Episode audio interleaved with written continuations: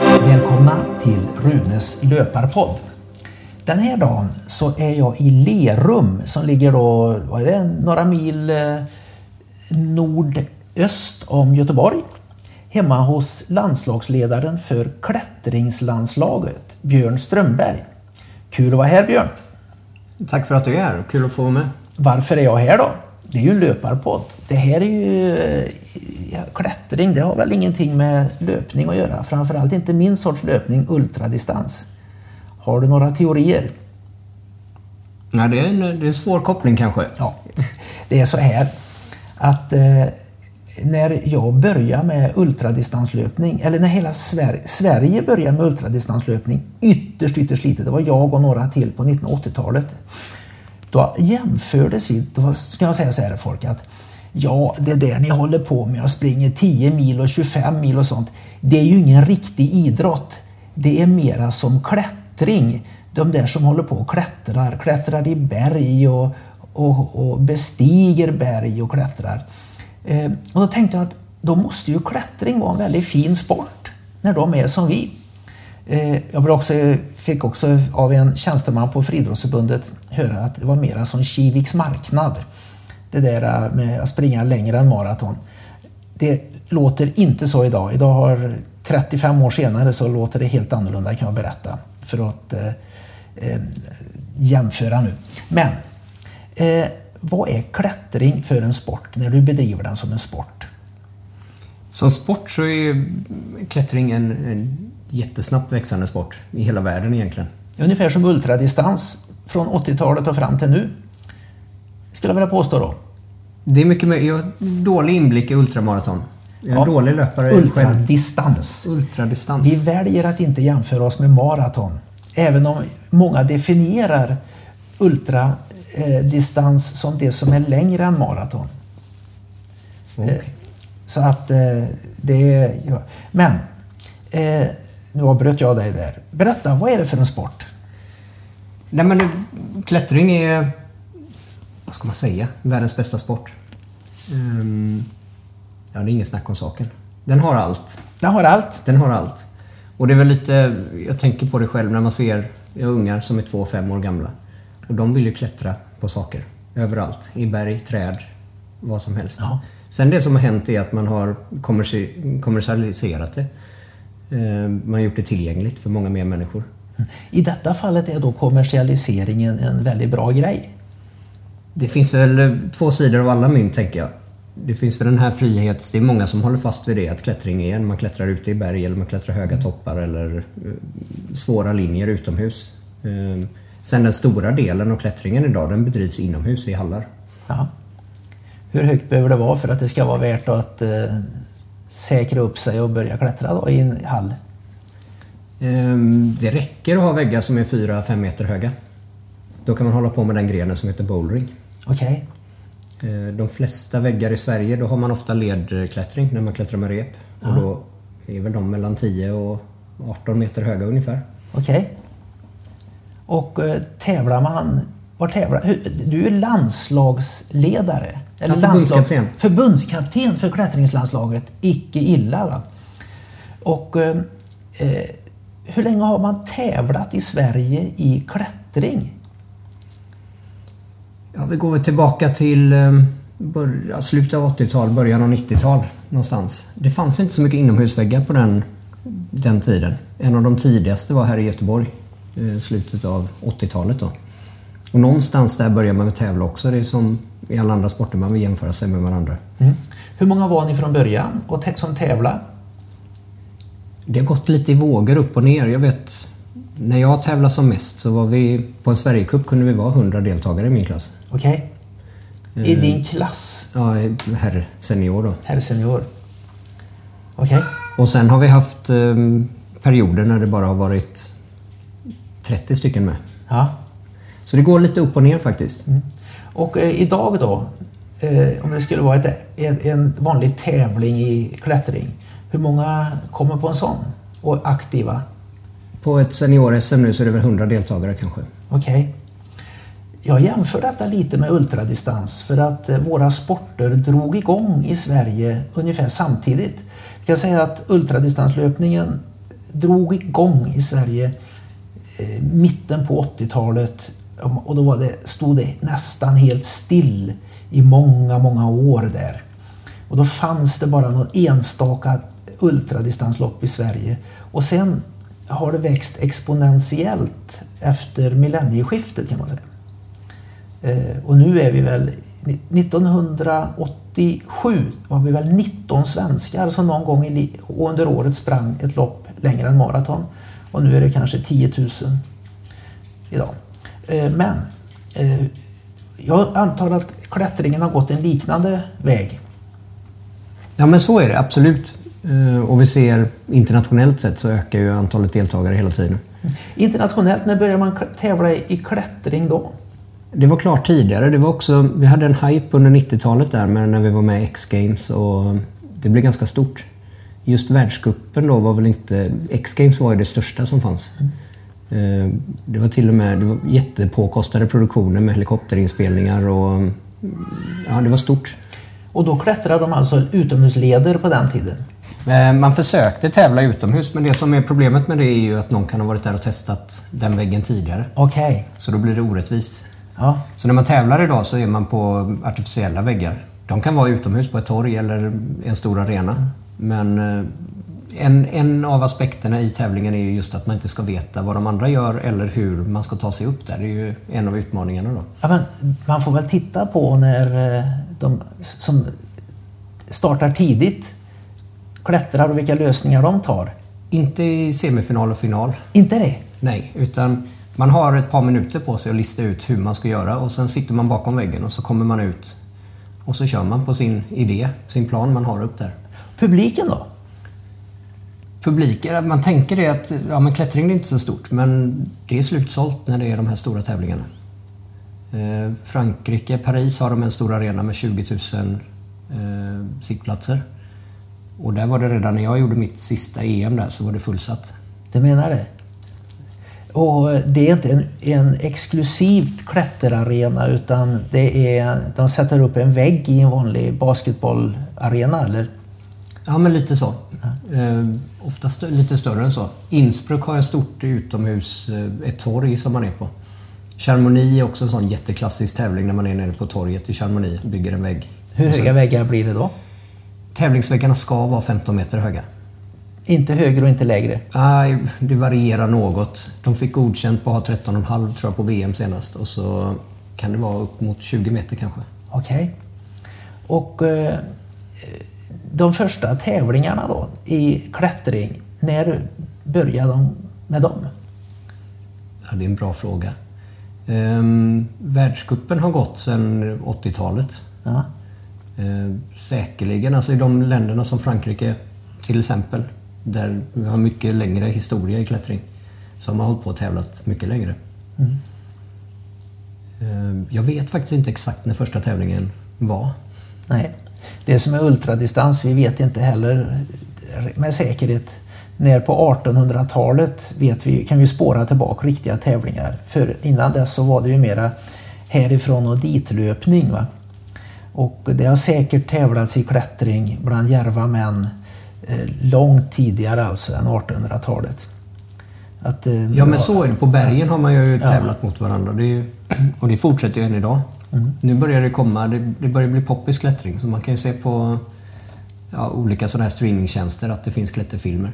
Ja. Och där har du en sån här gammal klassisk tävling är ju att tävla upp för The Nose. Eh, en av de mest kända klipporna i världen i Yosemite. Okej. Okay. Och där har man ja, genom ja, sista århundradet egentligen tävlat. Först att ta sig upp bara. Och i början tog det, ja, de höll på i månader och försökte ta sig upp för väggen bara. Ja. Men nu är rekordet på en timme och 58 minuter. Oj. Och det gjordes för något, ja, ett halvår sedan, ett år sedan. Men då är det inte riktigt friklättring utan då är de säkrade eller? Hyfsat säkrade är de. Ja. De är väldigt erfarna men det är inte mycket säkring de hinner lägga i när de ska klättra tusen meter på, på under två timmar. Nej, det låter imponerande. Och då kommer vi över på detta med att hur farligt är det att tävla i klättring? Alltså klättring, man får väl skilja på klättring som den här äventyrsdelen och eh, gå upp på höga berg till exempel. Där har vi aspekter som vi inte kan påverka, väder, vind, mm. eh, sådana saker. Eh, Mount Everest kan ju väldigt många gå upp för så som det är mm. utrustat idag. Men du kan inte påverka vädret. Nej. Men går vi till tävlingsformen klättring så är det i princip ofarligt. Ja, detta med Mount Everest, jag kallar inte det för bergsklättring. Jag har ju varit uppe på Aconcagua, Sydamerikas högsta berg, nästan 7000 meter. Och jag klättrar ju inte upp på det berget. Även om det var en lång parti där det var 40 graders lutning så var det mer eller mindre en eh, avancerad promenad i djupsnö. Och blåst. Ja, blåst det gjorde det inte för oss nu faktiskt. Jag, jag kan bara hålla med dig. Sen trampar man säkert någon på tårna här men det är ju, det är ju mer vandring. Det är vandring ja. Och sen så är det så riggat med fasta rep ja. och det är inte riktigt äventyr heller i mina ögon. Eh, så Aconcagua när jag var uppe där 2008. Eh, jag var turist. Jag var ingen äventyrare, jag var ingen bergsbestigare. Folk dör på Aconcagua. De dör av lungödem och hjärnödem och utsatthet för väder och vind. Så det är inte det att det är helt ofarligt. Men har man tur med vädret, gör man en bra akklimatisering och håller sig frisk, då, eh, då kan väldigt många människor gå upp på toppen på Aconcagua och få en fantastisk upplevelse. Även om det mest fantastiska inte var att komma upp på berget, det var att ligga nere i basecamp och titta på stjärnorna. En stjärnhimmel som var helt magisk där på eh, över 4000 meter som vi låg i basecamp. Så det, ska jag åka tillbaka till Anderna så behöver jag nog inte gå högre för att få en upplevelse. Men eh, hur är relationen då mellan bestigare och klättrare? Är det väldigt mycket samma folk som håller på med det där? Men jag tror Nej, det är under förändring. Alltså, som jag sa, sporten växer så mycket och framförallt då inomhus. Eh, de flesta som klättrar idag, som utger sig för att vara klättrare eller håller på med klättring, de går inte ens ut och klättrar. Och då, om vi definierar, vi skiljer det här med det här äventyret höga bergen till sportklättring då som är det officiella namnet för det som vi håller på med. Mm. Då kan man ju hålla på med det inomhus och utomhus men under ganska ordnade former även utomhus. Då. Ehm, men som sagt, de flesta de går, de går inte ens ut på de klipporna som är förberedda för, ser nästan ut som inomhusväggar. Utan de håller sig inomhus, mer som en motionsform, en, en rolig träningsform. Men hur många variationer kan du ha? Jag menar att eh, om du åker dit och klättrar en tre, fyra kvällar i veckan på sånt där klättergym det, efter ett tag så har du ju klättrat alla kombinationer du kan klättra där. Vad, vad återstår då? Nej, men dels, dels är det inte fast det som sitter där utan väggarna ser ut som de gör. Sen ändrar man dagligen på hur greppen sitter. Det gör man. Så det är nya banor ja, i princip varje gång man kommer till ett klättergym. Så när du kommer till ett klättergym, jag vet att de har något i Gårda. Eh, det har jag sett.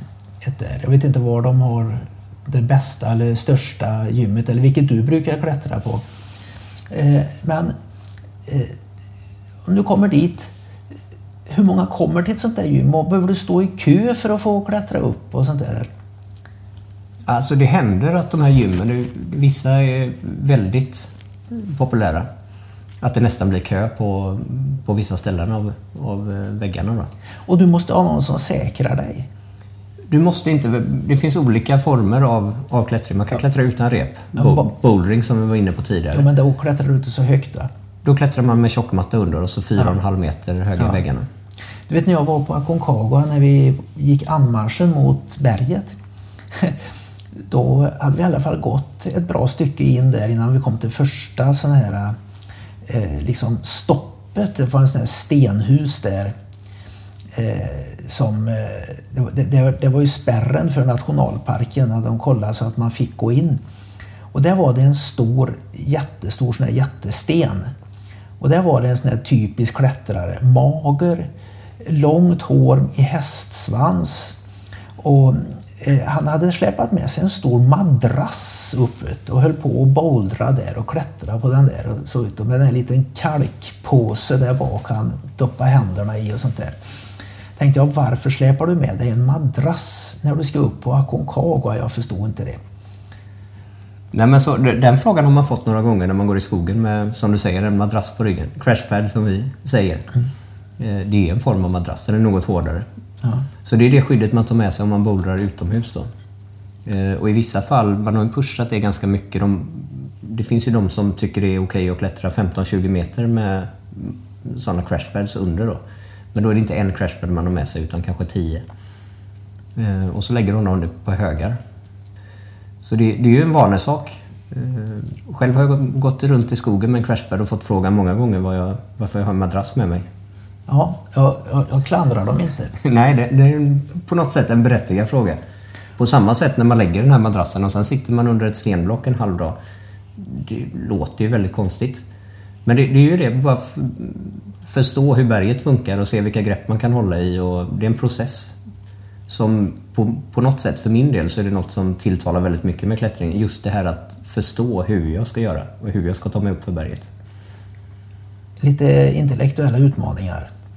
Ja, kanske. Någon form av eh, utmaning är det i alla fall. Det är inte bara ren, alltså man mäter inte bara vem som är fysiskt starkast. Det är likadant på tävlingar. Utan man mäter även vem som förstår utmaningen på, på bästa sättet. Och vem som tar sig an utmaningen på bästa sätt. Här i Västsverige då, där du bor, bor nu i Lerum, tidigare bott inne i Göteborg. Du har ju hela Bohuslän där ute med fantastiska klippor. Har du varit mycket där och klättrat på klippa? Mycket utomhus i Bohuslän, ja. Men då Absolut. är det mest säkrat, för det har ju rätt branta grejer där.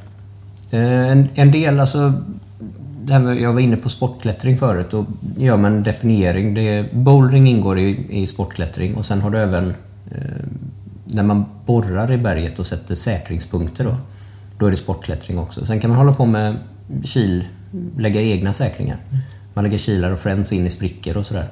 Det har inte jag hållit på med så mycket utan mer, mer sporten som har tilltalat mig. Det är lite på senare år som man, man blir lite intresserad av att lägga egna säkringar och sånt. Och lägga egna säkringar då? Är det kilar eller vad du borrar då sa du? Nej, då borrar man inte utan då, då lägger man in i, i de formationer som finns i berget. När de borrar i ett, en klippa sådär, hur borrar man då? För att eh, du kan ju inte ha med dig en Atlas Copcos kompressor upp direkt och, eller inte elektricitet och köra med en sån här stor Hilti slaghammare. Jo, men det, ett tag var det bara Hilti som gick. Men, men på batteri då. Ja, på batteri. Eh, det finns de som borrar med till och med bensinmaskiner, men de väger ju så mycket då. Ja. Man går uppe från berget och sen firar man sig ner. Okej. Okay. Så då kan du ha med dig ganska tunga grejer. Sen är det... Idag väger en sån maskin 2,5 kilo så du kan hålla den ovanför huvudet och borra bäst du vill. All right. Då gäller det att ha bra borr. Ja, borren de slits rätt. Graniten är hård. Ja, framförallt. Jag har ju borrat väldigt mycket själv med en slaghammare då, och kilar och sånt. Det är ju det att de får inte bli för varma. Man får ju byta, man har tre, fyra borr att skifta mellan. Så man får kallna de andra. Eh, så håller de rätt bra. Kanske man skulle ta och borra upp någon led någon gång.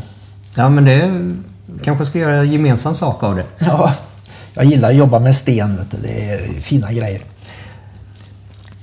Hur, hur höga klippor är de högsta du har varit upp och klättrat då?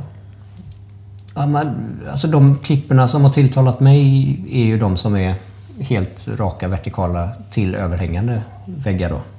Helt vertikala? Ja, helt vertikala eller upp till en 70 grader överhäng. Överhäng? Ja. Överhäng? Så det, det, var väl lite på något sätt, jag vet inte, det var också när man var yngre med fysiken så var det, det tilltalade en med de här branta överhängen. Där man kunde verkligen dra, dra med armarna mycket och överkroppen. Nu på senare dag så uppskattar jag kanske de här som är vertikala eller lutar till och med lite inåt då. Mer. Wow. Um, men högsta väggen, jag har inte klättrat högre än 300-400 meter. Ja, det är ju rätt mycket faktiskt. Var var det någonstans? Uh, nu ska vi se. Marocko klättrade vi hyfsat, det var inte så högt, kanske 200 meter. Uh, sen Thailand så finns det en 200 meter. Och sen Spanien finns ett ställe som heter Rigolos. Okay. Som är väldigt häftig klippa. Konglomerat. Eh, så det är hål och så små stenar som sitter i väggen. Och så är det 300 meter vägg. Oj. Som man, eh, ja. Jag har några väggar utanför Trollhättan du skulle kunna få prova. För jag, det finns ett bergstup där på ett ställe. Jag tänker att det kan ingen människa klättra upp för med bara händerna. Men jag är med 17 på att eh, jag har fel där. Det kan vara så. Man vet inte. Det finns massa klippor som inte går att klättra upp för. Det- Och Bohuslän är lite speciellt med det. Man kan verkligen hitta superfina klippor men det finns inte ett enda grepp på dem. Nej. Ehm, Sen är det också, får vi ha med oss att utvecklingen går framåt. Klättrarna blir bättre och bättre. Det är fortfarande en ung sport så det fanns en tid när man till exempel började borra i klipporna och gjorde grepp då. Eh, Och den tiden är lite förbi för nu, vi ser, just nu så har vi en, vad är hon, 18 eller 19 år tjej från Italien som klättrar bland de hårdaste lederna som finns i världen.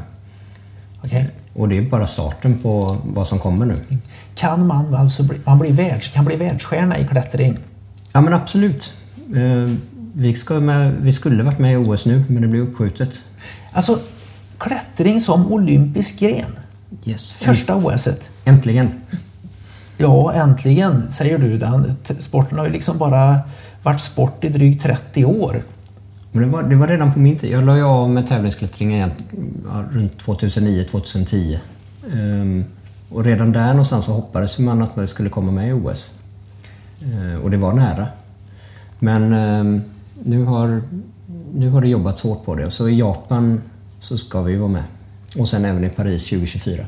Och det är nästa år för det blir Japan då. 2021 blir det nu. Om, om det här viruset eh, tröttnar. Yes. För det här spelas ju in i slutet på augusti 2020. Och eh, då börjar ju vi människor tröttna på coronan. Men coronaviruset det lär ju fortfarande ha lite uthållighet kvar. Nej, Jag tror inte den har så mycket känslor kring det. Nej, jag tror inte det. Men däremot har vi mycket känslor kring olympiska spel och eh, framförallt då klättring och olympiska spel som var en överraskning för mig att det skulle fått vara med. Jag hade blivit väldigt förvånad. Positivt förvånad ska jag säga. För jag tycker att eh, idrottsfamiljen ska samlas. Orienteringen är ju inte med. Eh, ett ultradistanslopp skulle ju vara fantastiskt där också. Inte 100 kilometer, det är alldeles för likt maraton. Men till exempel ett 24 timmars skulle man kunna göra en fantastisk produktion utav om man eh, eh visa, kunde bara klicka in och uppdatera med dagens mediateknik skulle det kunna gå riktigt bra. Och se kampen mellan löparna och så är det några skickliga kommentatorer som vet vad som händer med löparna. Och eh, jag antar att det blir betydligt enklare att göra en mediaproduktion med en klättring. Det kommer ju till och med bli riktigt eh, en stor hit medialt. Ja, men det är ju det vi hoppas på. Det är ju, gör vi bra ifrån oss där med bra tittarsiffror så är, så är det inget snack om att vi blir fullvärdiga medlemmar i OS-familjen sen. Detta är alltså bara ett prov. Ja, det är på prov, men det är Frankrike 2024 också. Så de kommer att ta ett beslut efter OS när de har tittat på tittarsiffrorna om vi officiellt är med sen. Det är väl lite synd egentligen att tittarsiffror ska avgöra. Alltså det finns ju inom eh, Eh, skidåkningen, vintersporten, där har du sporter som är väldigt komplicerade att eh, bygga banor för. Jag tänker på eh, de här eh, ski cross. Att, förutom att du ska ha ett jättestort kalhygge ut för en fjällsluttning för vanliga åkare så ska du bredda kalhygget så du kan köra ski cross där också. Och så skadar sig folk och blir hjärnskadade som hon blev, den här svenska tjejen och de bryter bäckenben och allt möjligt. Och det är ingen folksport överhuvudtaget med just skicross, skulle jag vilja påstå. Ehm, men däremot långlopp ett långlopp i ett vinter-OS där de kör då en eh, 70 kilometer längd eller något som är en helt annan sorts skidåkning har vi ju sett än ehm, den vanliga 50 kilometern. Bara de här extra kilometerna längd och eh, att, eh, att det avgörs på ett annat sätt. Det är en annan sorts skidåkare. Precis som maraton och 100 kilometer är inte samma sak även om en bra maratonlöpare förmodligen kan omskola sig till en bra 100 kilometers löpare. För att inte prata om maraton till 24 timmars eller sådana här lopp som Spartathlon. Det är ju det är som eh, pingis och badminton ungefär. Skilda sporter. Med samma, för bollsinne på bägge. Eh, ja, det ska bli väldigt intressant. Och du då som lands, eh, landslagskapten eller förbundskapten. Då hade du fått åka till Japan. Vi får se. Vi har framförallt en atlet som siktar på att ta sig till, till Japan. Var, var inte det redan uttaget sedan länge? Nej, det är tufft givet, att vi är en testgren nu då. eh, 2020 eller 2021 som det blir. Ehm, Så är det bara 20 stycken herrar och 20 stycken damer som får delta. Okej. Så det är väldigt hårda... mm, Ja, det är svårt att kvala in helt enkelt. Är det någon slags kvotering hur många deltagare från varje land som får vara med där då? Ja, max två från varje land. Oj, Så det är, men nu har vi, vi har ett mästerskap kvar som ska gå i Ryssland. Där man tar ut en, en från Europa som ska få åka. vad har vi för någon svensk som eh, har chansen att kvala in till OS? Hannes Puman heter han. Ja, Kommer, eller han är från Eskilstuna men bor i Göteborg. ja. Ehm, Han är väl vårt främsta hopp där. okej. Och då har vi en annan intressant aspekt på det hela. De klättrare jag har sett, de har varit ganska tunna och starka. Du hittar ju inte de här stora biffiga halvbodybuilders där som vi går och flexar med muskler och frisyrgelé och solglasögon och, och eh, tatueringar och grejer. Utan det är ganska tunna, lätta killar och tjejer. Stämmer det? Både ja och nej. Alltså det blir väl som allting. Det är få löpare som är stora och tunga också. Ja, precis. Man, man behöver se ut inom en, ett visst spann i alla fall. Ja, Eh, Det som hände med klättring som fick mycket kritik också när vi skulle vara med i OS så fick vi bara ett set av medaljer. Och vi har tre grenar som man tävlar i. Så det som man gjorde då var att man kombinerade alla tre grenarna. okej. Och det här var väldigt, väldigt mycket kritik kring det. Det var några av de största klättrarna som gick ut och sa att nej men då tänker inte jag vara med och hota med det. Eh, sen så lugnade de sig och så började de träna de grenarna de var dåliga på. Då ska jag säga att de ska vara jäkligt glada att de får vara med överhuvudtaget. Ja men så är det nog. Och sen, sen sport är ju på det sättet, den förändras. Eh, och det är inte bara nya sporter som förändras utan vi såg det nu, man, de gjorde någon, något test med längdhoppning. Ja, usch! Usch! Jag såg kanske- på eländet. Det kanske är jättedåligt eller så är det en bra idé, men de här sakerna händer i sport. Ja. Eh, och det är väl också en del av utmaningen att adaptera till det och, och liksom, okej nu ser det ut så här, hur tränar jag då? Jo, längdhopp det har ju traditioner från antiken. Så det ska man nog kanske inte tafsa på gamla traditioner. Men eh, klättring som tävlingsform har väl inte... Ja, de har säkert klättrat i antiken också på sandstensklippor där nere, men ändå. Vilka tre grenar är det man tävlar i normalt då i klättring? Ja, men då är det, det enklaste att förklara det är den som är snabbast. Då har man en standardiserad bana som är 15,5 meter lång. Något överhängande, 5 grader överhängande, så den hänger över en meter ungefär på 15 meter. Då. Ehm, och så är det snabbast upp som vinner och världsrekordet där är lite under 5,5 sekund. Så det går rätt fort. Va? Va?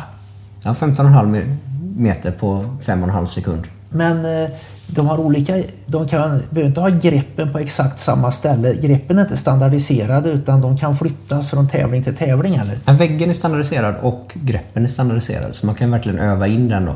Åh, herre min tid. Så där går det undan. Det är, det är liksom högexplosivt all-out-arbete under de flesta då kanske ja, 6-7 sekunder. Men världsrekordet är 5,5 sekund. Ja, tre meter i sekunden. Ja, så det går undan.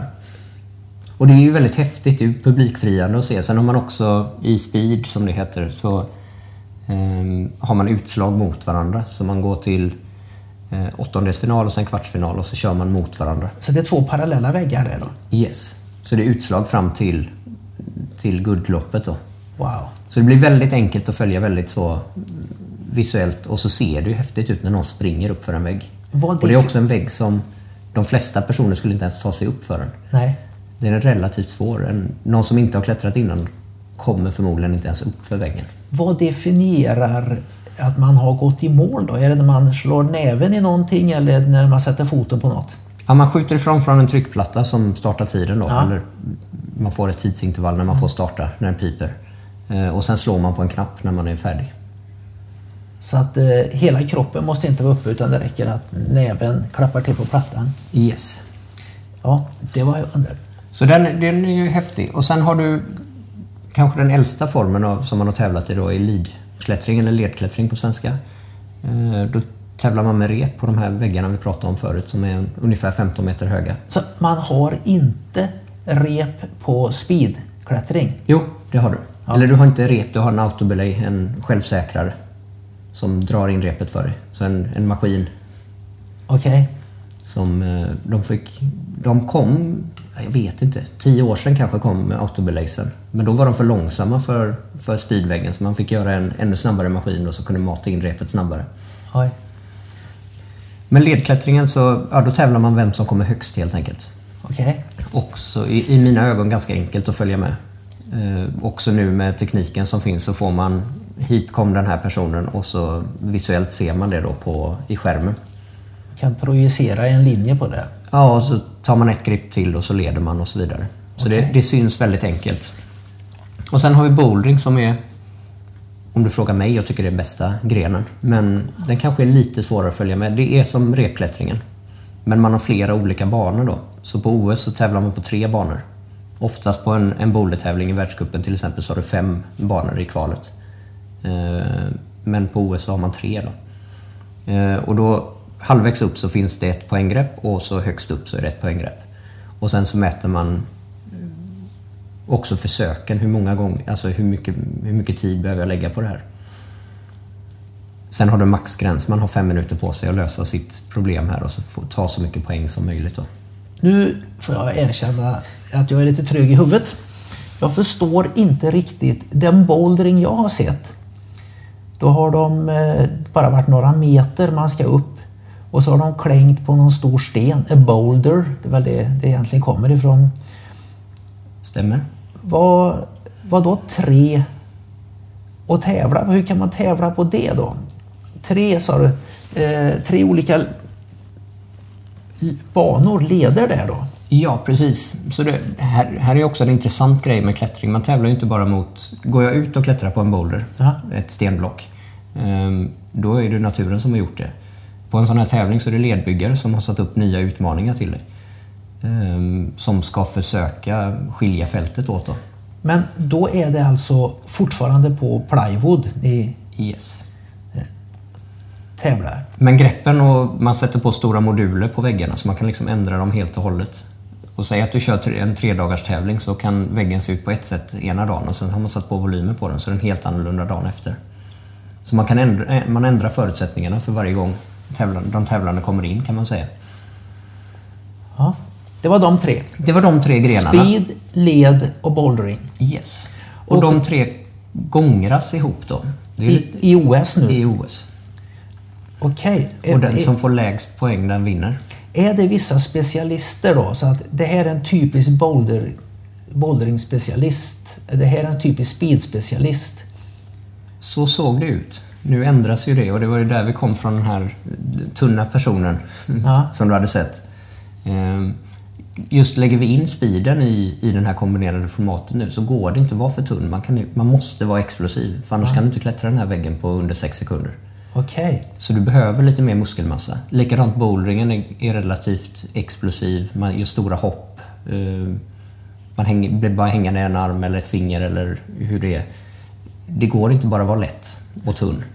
Däremot ledklättringen är väl lite mer åt det hållet då. Att där är det bra att vara lite tunnare, lite lättare och istället orka vara på väggen lite längre. Så att bouldering, då är ni inte säkrade? Nej, man har en tjockmatta under. Det är den säkerheten som är. Okej. Och sen finns det regler för man får inte ha fötterna mer än tre meter upp från marken och så vidare.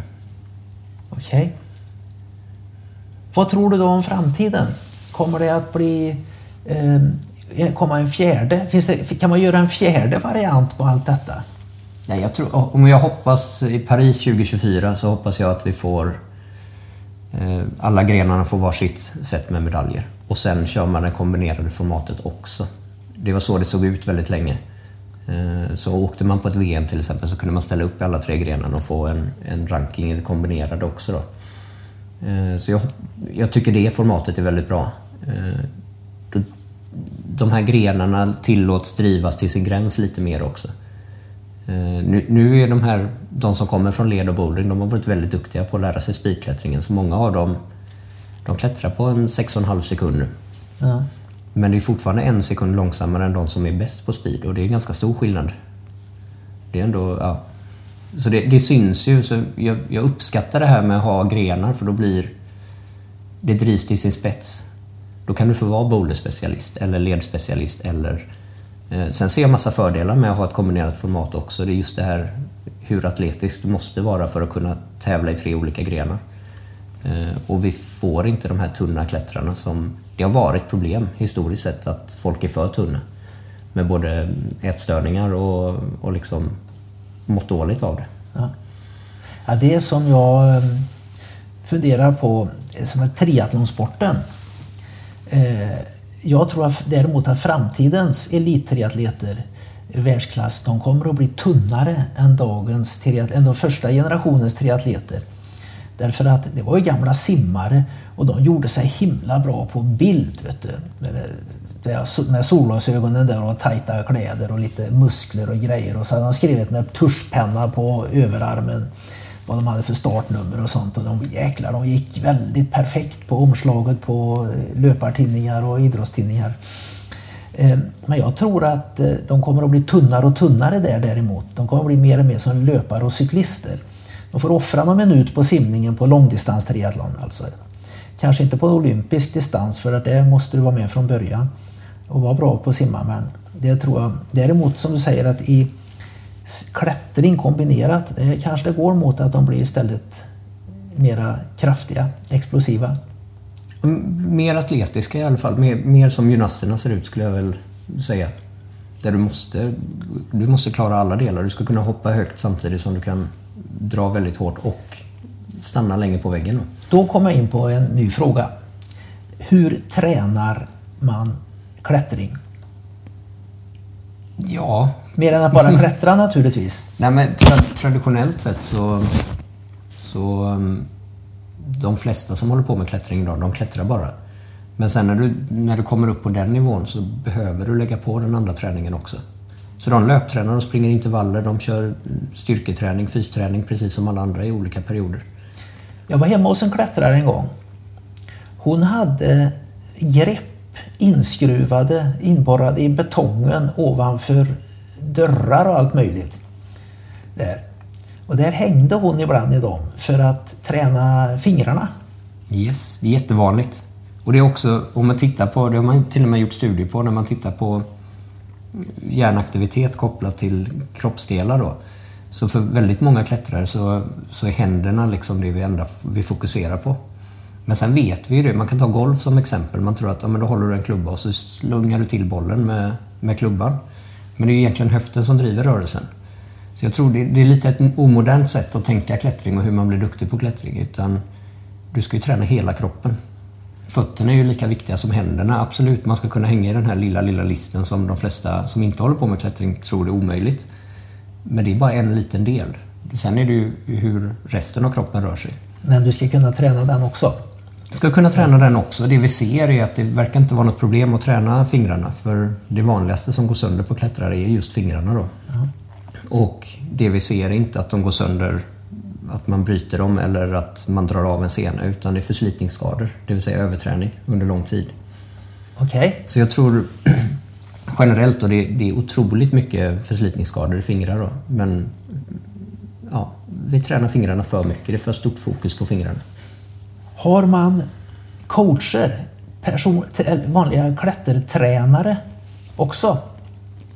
Finns, när jag började så fanns det ingen som, som höll på att coacha klättring i Sverige. Eh, det fanns inte. Jag letade överallt för att få hjälp liksom, med hur man skulle träna eller hur man skulle göra. Men det, det fanns inte, så man fick testa sig fram. Eh, och det här var ju liksom slutet av 90-talet som jag började klättra. Sen har det ju växt fram. Det finns ju en del klubbar som är ganska stora barnverksamheter nu med, med tränare för ungdomar. Då. Eh, fortfarande väldigt få med väl utbildade elittränare till exempel i Sverige. Eh, tittar vi på de andra sportsystemen som vi vill in i, som SOKs topp och talangprogram och även deras... Eh, eh, de har ju ett program under när man tar in tränare och atlet. Men vi har väldigt få atleter som kommer med en personlig tränare som andra sporter kanske har. Har ni någon grenutvecklare? Hur menar du då? Jo, en person som är ansvarig för att utveckla grenen klättring. Och då menar jag till exempel att eh, utveckla eliten och bredden och att utveckla arrangörerna, utveckla eh, de... Eh, ja, ungefär på det sättet. Va? Eh, trä, utveckla tränare. Hela det där. Det är väl... Det blir ju... Svaret på det blir väl att det är väl Klätterförbundet som har det, det stora ansvaret där då. Och vem är förbundskapten där? Ja, där har vi en styrelse som, som i alla andra förbund. Men jag är förbundskapten för sportlandslaget. Sen så får man ju hitta den här, var, var går gränsen för...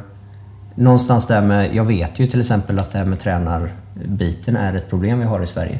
Men det är svårt för mig som förbundskapten att utbilda tränare i, i Sverige. Ja. Utan det är snarare så att det finns ju en tränarkommitté då under Klätterförbundet där man...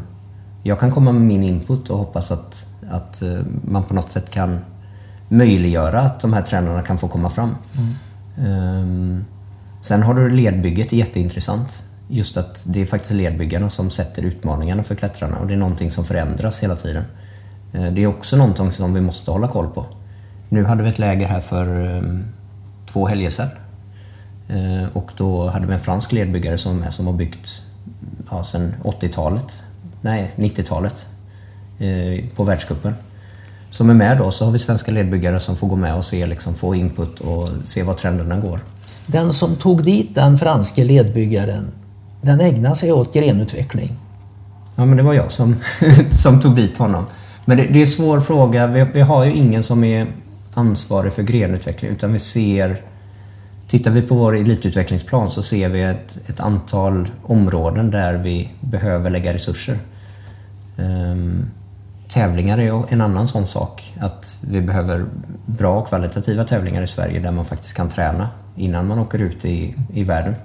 Se där ytterligare en, eh, en jämförelse med ultradistanslöpningen. Två sporter, ultradistanslöpning och klättring, som har följt varandra ganska parallellt. Det var mitt absoluta drömjobb att få bli grenutvecklare för svensk ultradistans. Eh, man kan säga att jag ägnade mig åt det från mitten på 80-talet och eh, då var min idé samla in kunskap och sprid den. Jag körde med ett, en metod som jag kallar för, för eh, kommunicera, motivera och arrangera. Kommunicera ut så i alla kanaler du kan. Föreläsningar, artiklar, allting. Att det här är en himla bra idé att hålla på med.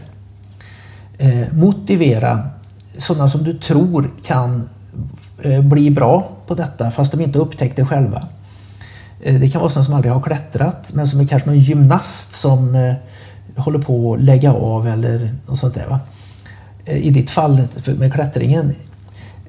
I mitt fall med ultradistanslöpningen så gick jag ofta på löpare som jag trodde skulle kunna ha rätt profil för att kunna bli bra ultradistanslöpare. Och så arrangera se till att förutsättningar finns för sporten.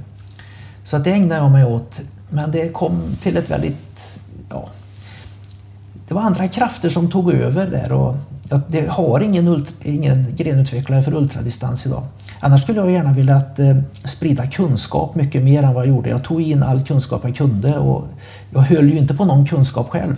Nu har det blivit lite kommersiellt i ultradistans att en del de tar ju tusen kronor i månaden för att coacha någon. Jag förstår inte riktigt det. Jag har aldrig tagit ett öre för något. Eh, och då är det mer att de inte kanske är så generösa med att dela med sig av kunskap. För nu finns det så mycket kunskap också. Det fanns ju inte på min tid. När jag Nej men så, och det gäller väl egentligen all sport. Alltså det finns så mycket forskning i, inom området nu så det, och, och det fortsätter framåt. Nu kommer ny teknik också med rörelseanalyser och video...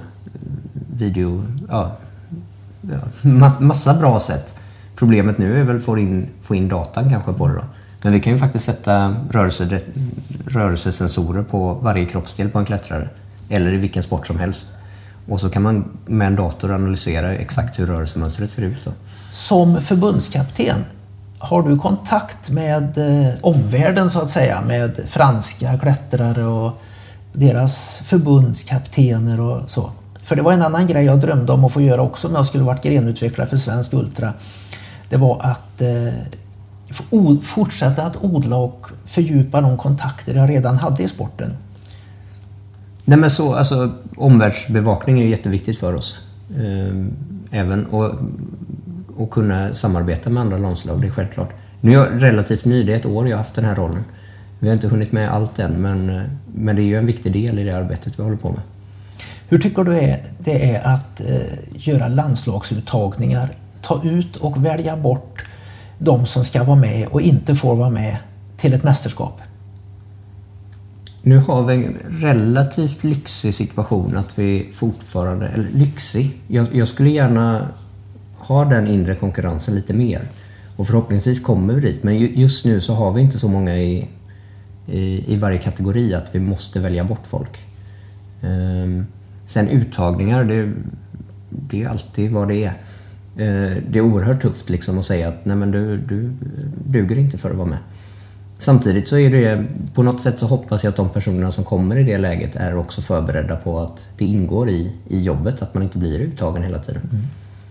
Du har haft en egen tävlingskarriär. Yes. Berätta lite om den. När började jag tävla? Kanske... Jag har alltid tävlat med mig själv. Jag har två äldre bröder så det har liksom, och de är, jag är lite sladd också så de är sju och tio år äldre än mig. Så det, Oj. det har varit så här. Man fick alltid försöka tre gånger hårdare. Ehm, så jag, alltid, jag, jag vet till exempel som när brännboll introducerades på skolidrotten i, när är det första klass kanske. Ja. Oj då, det här har jag aldrig gjort innan. Så då tog jag ett brännbollsträ och så stod jag och slog tills jag inte kunde missa bollen längre. Så jag stod ute på gatan och slog varenda kväll. Men sen, jag, jag tror inte jag slog en enda gång på, i skolidrotten utan att varva. Oj, oj, oj. Men så det är lite så jag... Först vald i laget, på, om man nu fick välja på din tid. Ja men brännboll var, det gick, det gick bra. Men det var ju också, jag la ner timmarna på det. Okej, det här ska jag vara bra på. Så då tränade jag på det. Så jag har alltid tävlat med mig själv på det sättet. Sen höll jag på med segling och tennis och massa andra sporter innan jag hittade klättringen då. Samma sak där, det var tävlingarna som drog. Du har tävlat i segling också, eller? Ja. Vilken båttyp? Eh, optimist och Zoom 8. Sen la jag av. Så jag la av där när jag var 16. Då hade klättringen lite tagit över. Hur gammal var du när du började klättra då? Eh, 14. 14? Så jag började väl lite för sent kanske, jag vet inte. Man har, man har med sig vissa, men vi ser de här som är bäst idag, de har faktiskt, eh, som vi säger då, de har aldrig slutat klättra. De har fått klättra sedan de var, innan de kunde gå. Ja. Och det som är positivt med det är då att de, till exempel, de är väldigt vana att vara uppe på hög höjd. De blir aldrig rädda. Jag kan fortfarande, efter att ha klättrat över 20 år nu, jag kan bli jätterädd på väggen och begränsad i hur jag rör mig då. Du, du var i alla fall inte rädd på en vanlig eh, eh, ledklättring inomhus väl? Jo, absolut. Rädsla. När du är säkrad? Ja, det kan komma. När du är 15 meter upp och det är, det är ett betonggolv med en liten gummimatta över så det känns obehagligt. Jo, men du har ju rep. Ja, det vet jag, men det, ja, det är så här. Det är som att sätta sig i ett flygplan och tro att det ska krascha. Det är lite, lite samma sak. En väldigt naturlig grej. Ja. Då måste jag bara berätta om mitt livs klättring. Jag tror inte jag någon gång under idrott har varit mer, eh, mer eh, eh, kämpat för min överlevnad som då. Jag sprang ett, en fjällorientering i Wales, fem etapper, 32 mil på fem etapper. Och första etappen eh, från norra Wales och ner, det är där Wales är som bergast också, högsta bergen i alla fall. Och det var orientering och topografiska kartor. Och jag var ju en av de få som inte var från Wales, eller från Storbritannien. Som hade, de kände ju till de här bergen. Va? De hade ju sprungit med Fell Runners. För första etappen så var det ett, en kontroll som låg på ett berg som heter Triffan. Och eh, det, såg, ut- det var alltså prickat en liten, såg ut som en stig som gick upp på Triffan. Fast det var väldigt tätt mellan höjdkurvorna. Fruktansvärt tätt. Men det är ju en stig är ju en stig. Va? Så att det var dimma och jag sprang rakt på det där och i början så var det faktiskt något som liknade en stig. Och det blev brantare och brantare och brantare och plötsligt var det vertikalt. Och så var det dimma och jag klättrade och klättrade och klättrade. Och till slut så hade jag klättrat fast. Jag kom inte högre med min bristande kunskap om klättring. Och så tittade jag ner och bergstupet försvann neråt i dimma. Och då vågade jag inte gå ner. Så jag försökte göra en travers, då. jag försökte gå åt sidan. Och det det var, hängde på fingernaglarna. Och så hör jag ur dimman. Då var det en tysk som hette Stefan Schlett. Och han var klättrare och äventyrare och sånt där. Då kom han där. This is really fun Rune! Så att, eh, men vi kom av någon konstig anledning upp också. Men det var lite hjärtklappning. Det hade mycket väl kunnat varit det att jag helt enkelt hade fallit och det hade varit säker död. Eh, Och de, när de här brittiska fellrunners fick reda på att jag hade gått upp på nordsidan av Triffan och sa Oh my god, that's where the most advanced climbers go. Där går de och klättrar på K2 och, och the North Face och alla möjliga sådana där saker. Och där klättrar jag i dimma. Usch, då var jag rädd. Ja, men det förstår jag. Det, var- det låter som en... Fast också intressant. Det är ju det, det som är lite intressant med det. Just att få lösa... Du har ju inget... Kommer du inte upp och kommer du inte ner. Du får ju lösa situationen. Ja, Du kan ju inte sitta kvar där. Livet hängde ju på det. Det var ingen som hade hittat mig förrän dimman lättade. Nej, men precis. Det visste man ju inte när det skulle bli. Så det, och jag tror det, vi har mycket i oss. Alltså även om man inte klättrar. Det, det finns ju en överlevnadsinstinkt. Ja. Så det, vi har ju mycket i oss. Så det går ju att lösa situationer. Men du började tävlingsklättra. Ja, jag började ganska direkt. Men det var så här, för jag var, jag var bara tränare på gymmet och tyckte det var superkul för det är också ofta de, de flesta som börjar klättra känner en otrolig utvecklingskurva i början. Um, jag vet från första gången så var jag rädd och nästan började lipa. Um, och så andra gången jag kom upp så klarade jag samma vägg fem gånger. Så det var en otrolig utvecklingskurva så. Sen dök det förbi någon som bara, men ska inte du tävla? Du är ju asgrym. Tävla? Jag hade ingen aning om det. Men så åkte jag på någon tävling och det gick ganska bra. Ehm, och sen började jag tävla som junior då. Och det tog väl ett... Jag vann Sverigecupen där andra året jag tävlade. Oj, Ehm, och så var jag på pallen på SM. oj, oj, oj.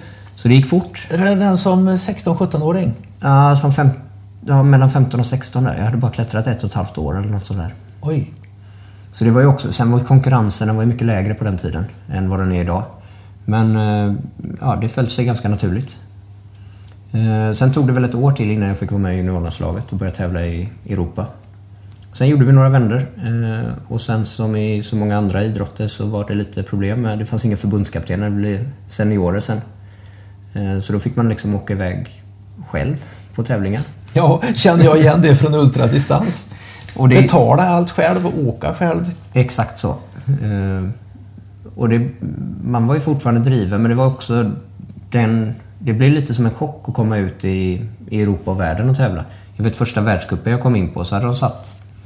De hade stå, satt en jättestor modul på väggen och det fanns inte ett enda grepp att hålla i. Och jag är ju så van vid mina grepp som jag tar tag i och så drar i dem.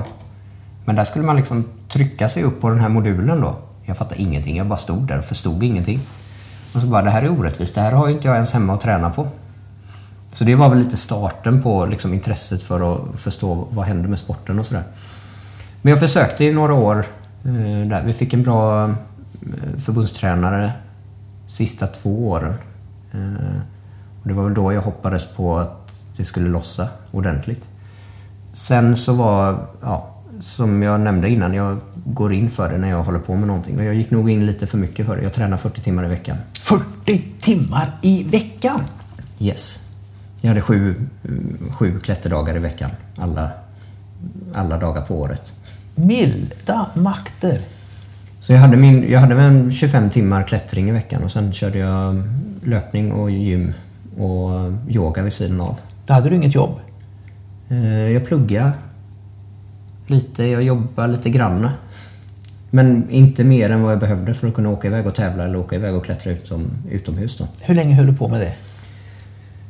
Ja, jag höll ju på från, ja, det var i tio år nästan då. Unge man, ta det från en gammal farbror. Det kommer du att ångra när du ska få din pension en gång. Det blir inga pensionspoäng på att klättra på det, klättervägg. nej, det var dåligt. Det är fortfarande dåligt på det pensionskontot. Men eh, det var nog värt det på något sätt. Men det, det, det som var kontentan var att kroppen började gå sönder. Det var för hög belastning under för lång, lång tid. Okej. Eh, Sen var det, det kanske var det mest intressanta. Jag fick ta ett... Dels så försvann den här tränaren som jag tyckte väldigt mycket om och hela laget tyckte om. Eh, tyvärr. Men tyvärr är det politik i sport också. No, you tell me. Där har vi ytterligare en i Sverige och ultradistans. Där har du en... eh, Ja, jag, ska inte gnälla mer. Nej, det, är därför jag inte blev, det var därför jag inte blev grenutvecklare och det är därför de inte har någon grenutvecklare alls idag. Det är politik. Nej men det är ju så. Nå- Någonstans är... Kom, kompisgäng och... Ja, nej, det finns massor man skulle kunna säga om hur saker har gått till. Men det, jag tror inte vi, vi tjänar någonting på det heller. Nej. Det är väl där vi, och man, min roll som förbundskapten nu, den gör jag ju helt ideellt. Du gör det ideellt. Ja. Och det är ju mer, jag vill vara med och göra den här förändringen i, i sporten. Men du ska vara jävligt glad att eh, sporten, att du, du kan göra det och kan vara med och påverka den sport du tycker så mycket om. Det är ju jättebra. Nej, men det är ju det som är drivkraften också. Och också skapa, som för min del, jag letade efter en tränare.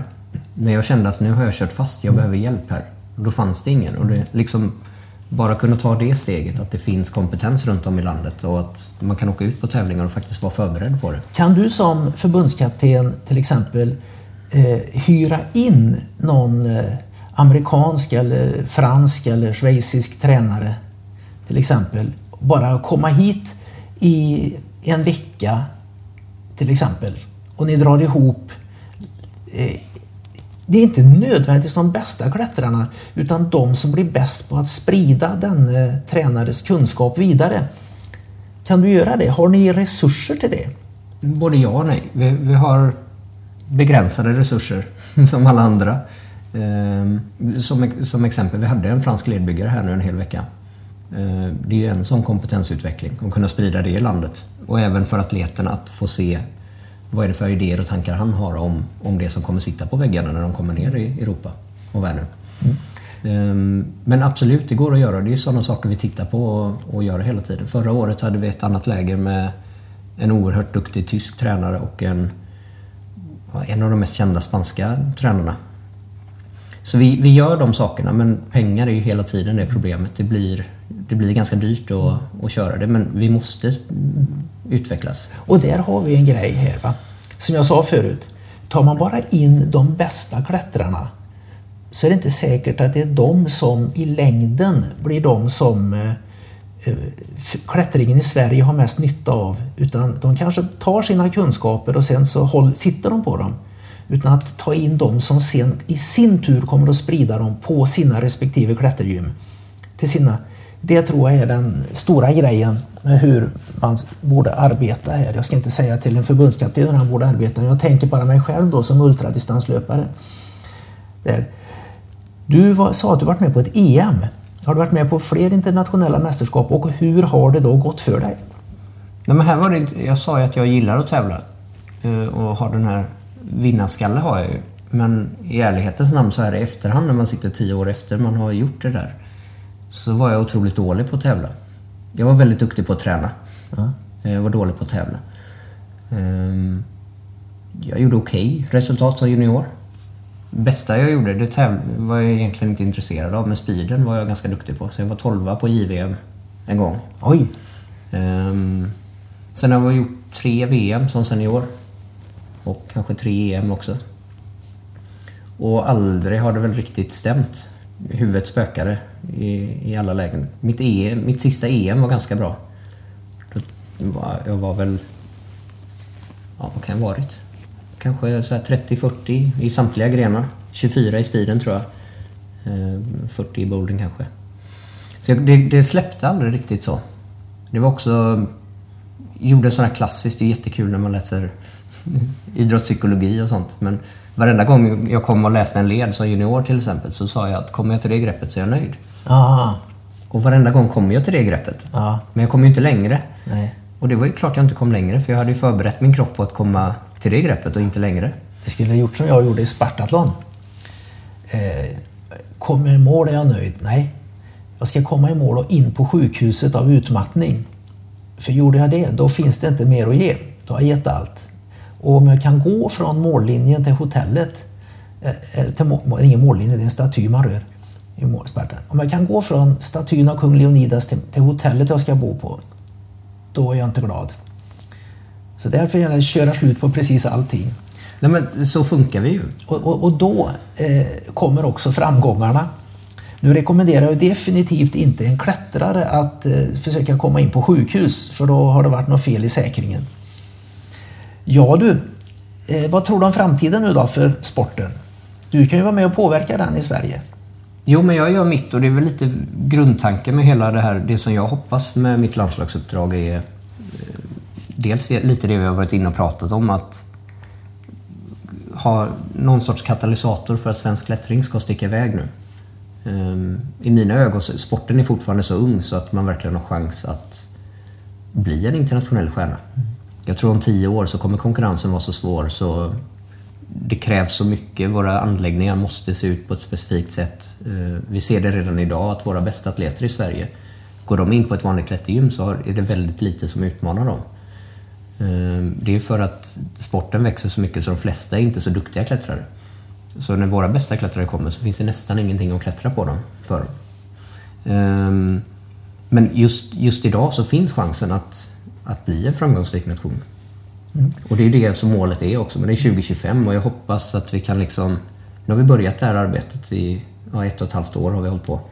Att vi liksom kan få bygga vidare steg för steg. Mm. Vi fick in vår första atlet nu i SOKs topp och talangprogram.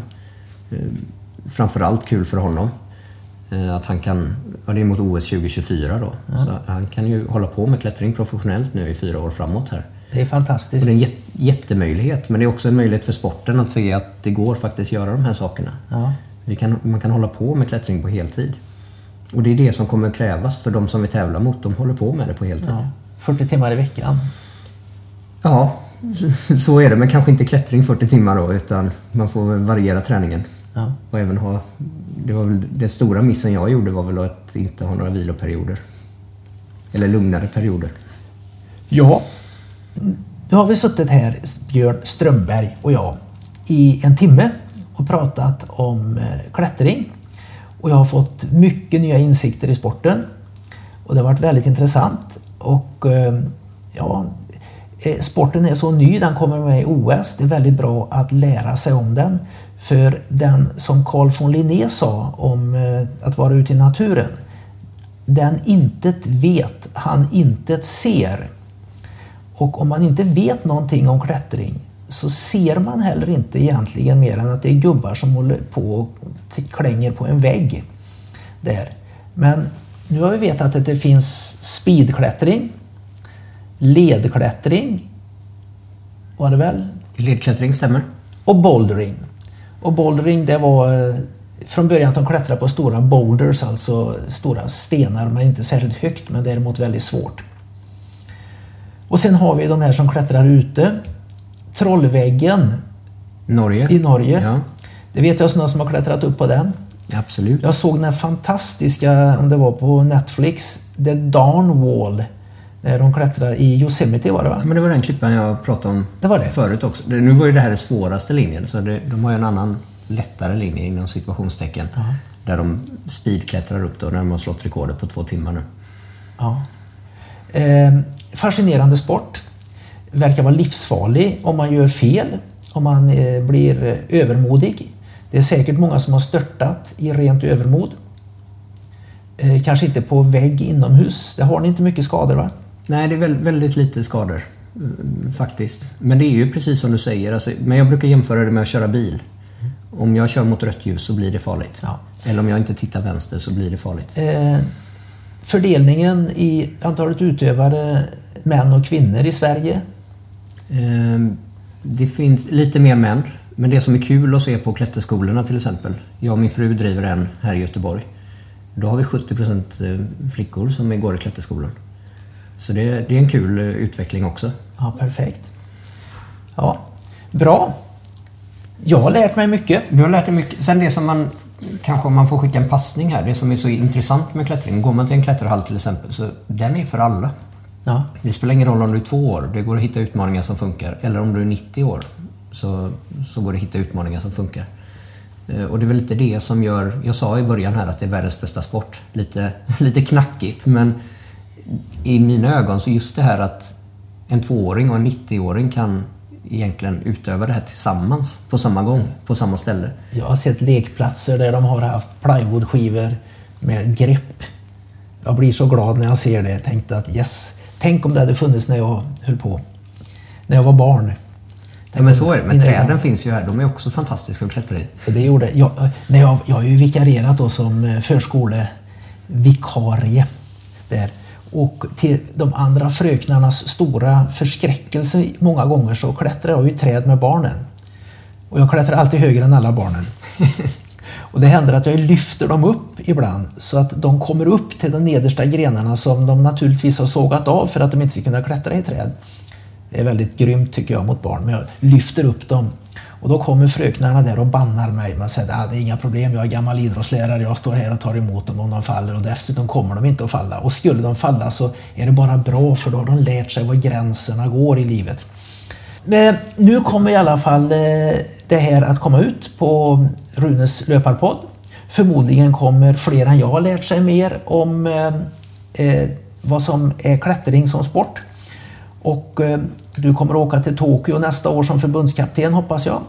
Vi hoppas på det. Följa med åtminstone en svensk klättrare. Och så, då ska jag titta. Då ska du stå där med en svensk flagga. Oh ja. Tack ska du ha för att jag får komma hit till Lerum och lycka till med att utveckla sporten. Stort tack ska du ha.